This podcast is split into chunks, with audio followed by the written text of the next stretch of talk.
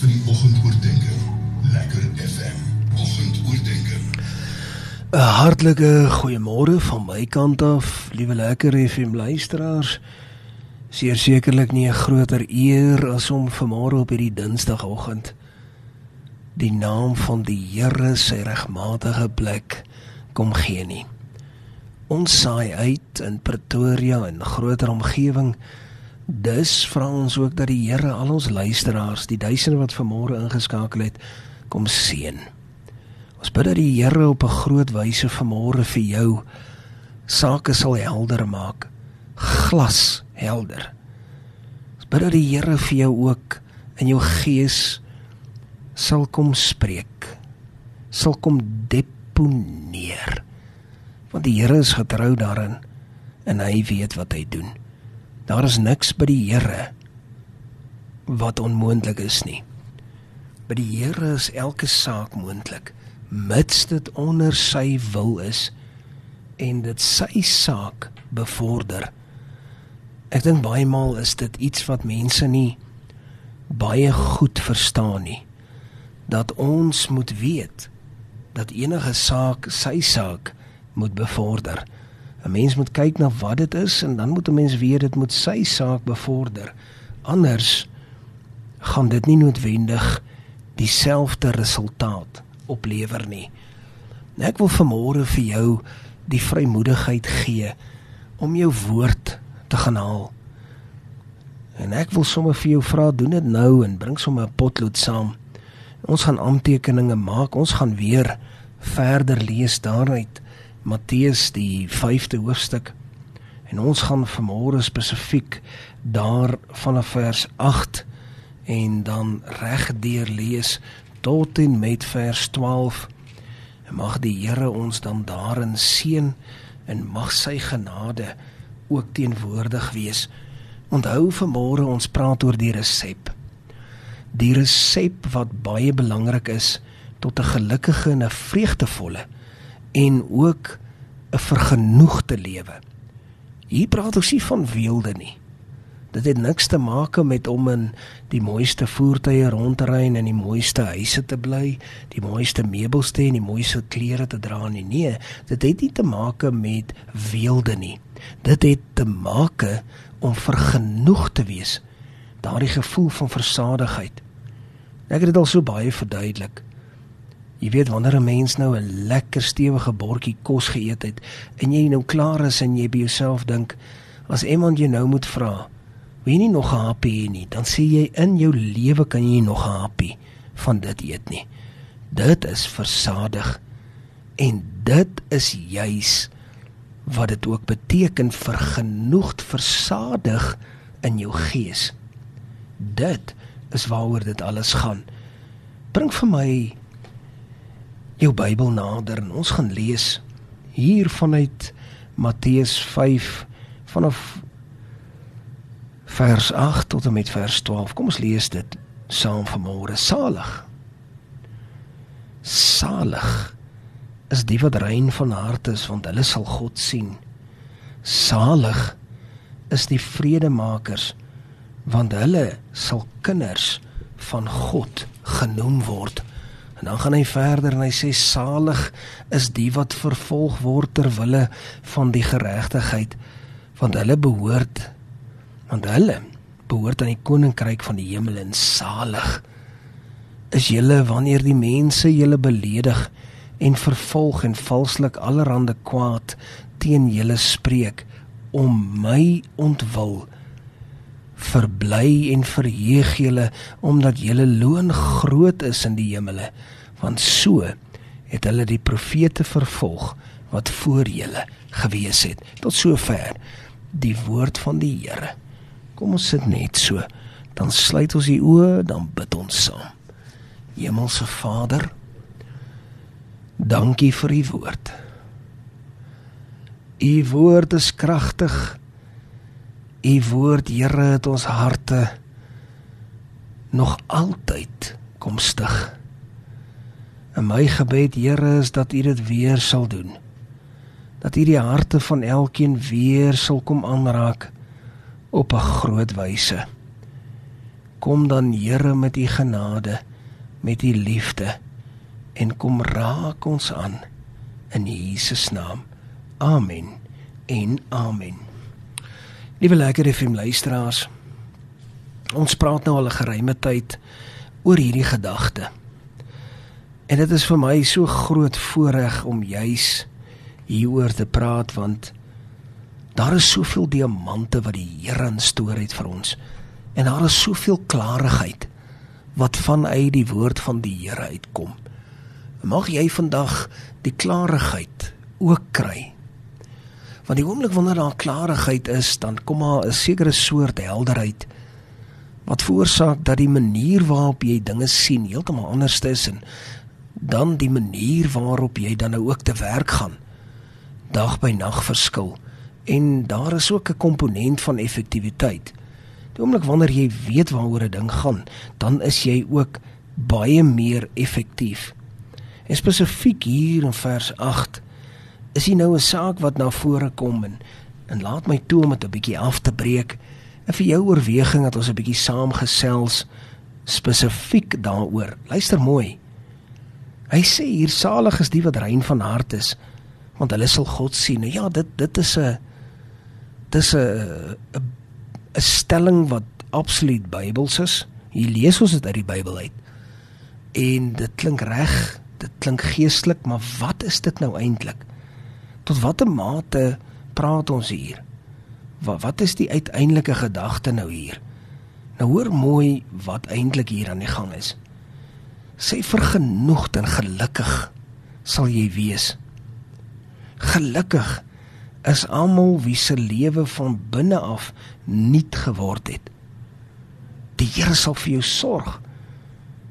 En die Here sal jou seën van binne af nuut geword het.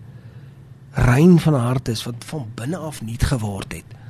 Nou liewe lekker FM luisteraars, wanneer jy van binne af nuut word, is dit iets wat gepaard gaan met die oomblik toe jy jou rug draai op die saak van die wêreld en fokus op die saak van die Here. As baie dinge wat gebeur die oomblik wanneer dit gebeur. Jy weet baie keer as al mense voor my kom sit en hulle praat met my en hulle sê vir my dat hulle teruggeval het en dat daar heidaglik baie dinge in hulle lewe verkeerd gaan. En dan wil ek graag weet met wie het hulle omgegaan? Watse vriende en mense is nou in hulle lewe?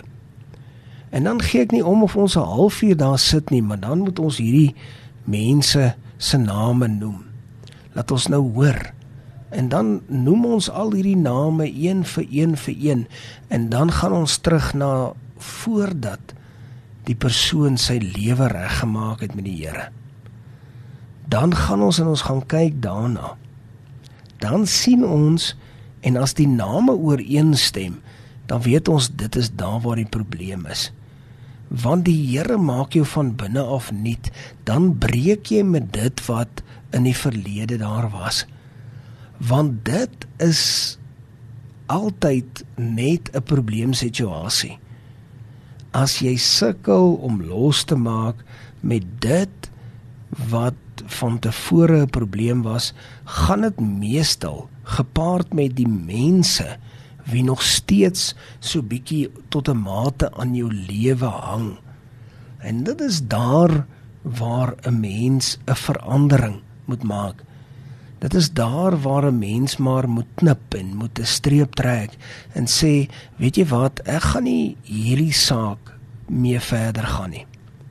Ek wil nie wees van binne af en om die heeltyd die ou goetertjies raak te sien, te voel, ervaar en ook ou koeie uit die sloot uithaal is wat die probleem tans in my lewe veroorsaak.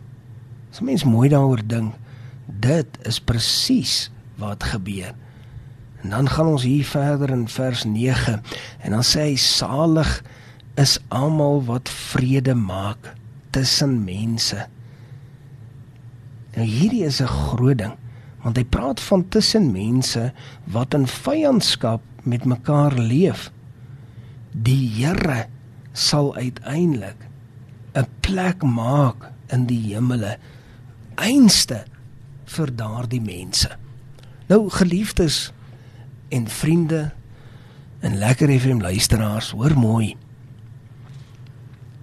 Wanneer jy in die middel staan van 'n tipe van 'n vyandskap, is dit 'n plek waar jy jouself in die eerste plek nooit moet bevind nie. Want hy sê hier gelukkig en geseënd en vergenoegd sal jy wees as jy die vredemaker is tussen partye wat alreeds vyandskap het.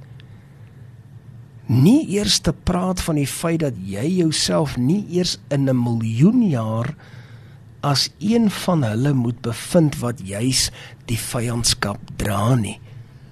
Hier is 'n baie belangrike gedagte. Liewe lekker FM luisteraars en dit, dit is iets wat ek baie stadig sê. Onthou, hierdie is die resep. Hierdie is die woorde uit die Bybel uit.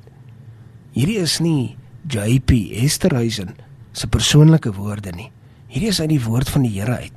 Jy sal geestelik vergenoegd wees en geseënd wees tot die hoogste maat as jy besluit om 'n vredemaker te wees tussen ander.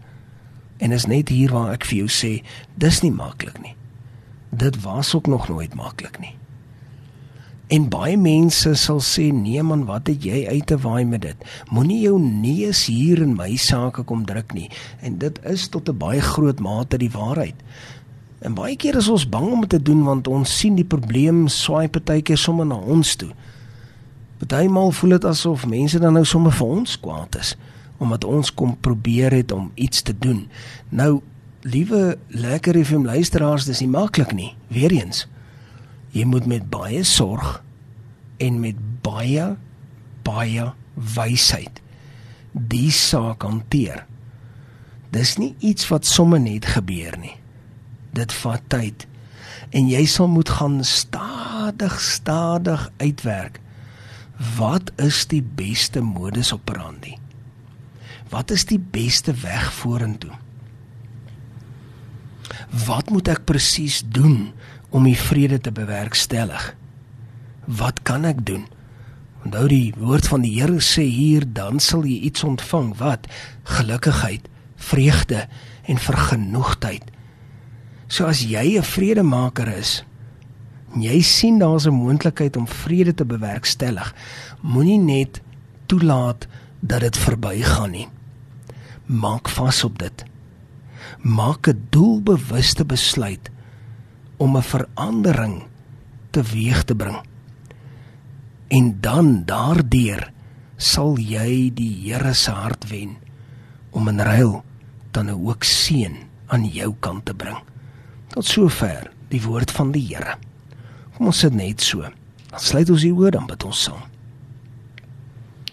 Hemelse Vader, dankie vir die woord.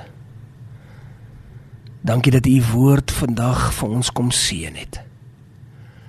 Op 'n wonderbaarlike wyse.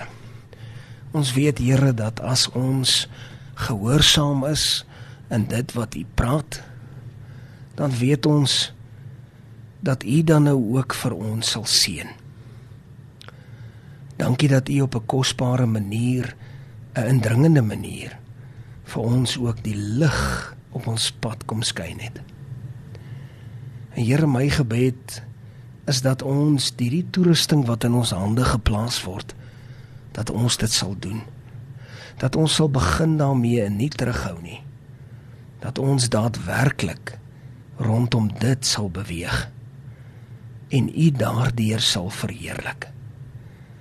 En Here, ons weet dat hierdie sake is nie van selfsprekend nie. Ons weet ons moet hard daaraan werk. Maar ons weet ook U sal daar wees om ons te help in die proses. Seën ons daarin. Is my gebed in Jesus naam. Amen. En amen.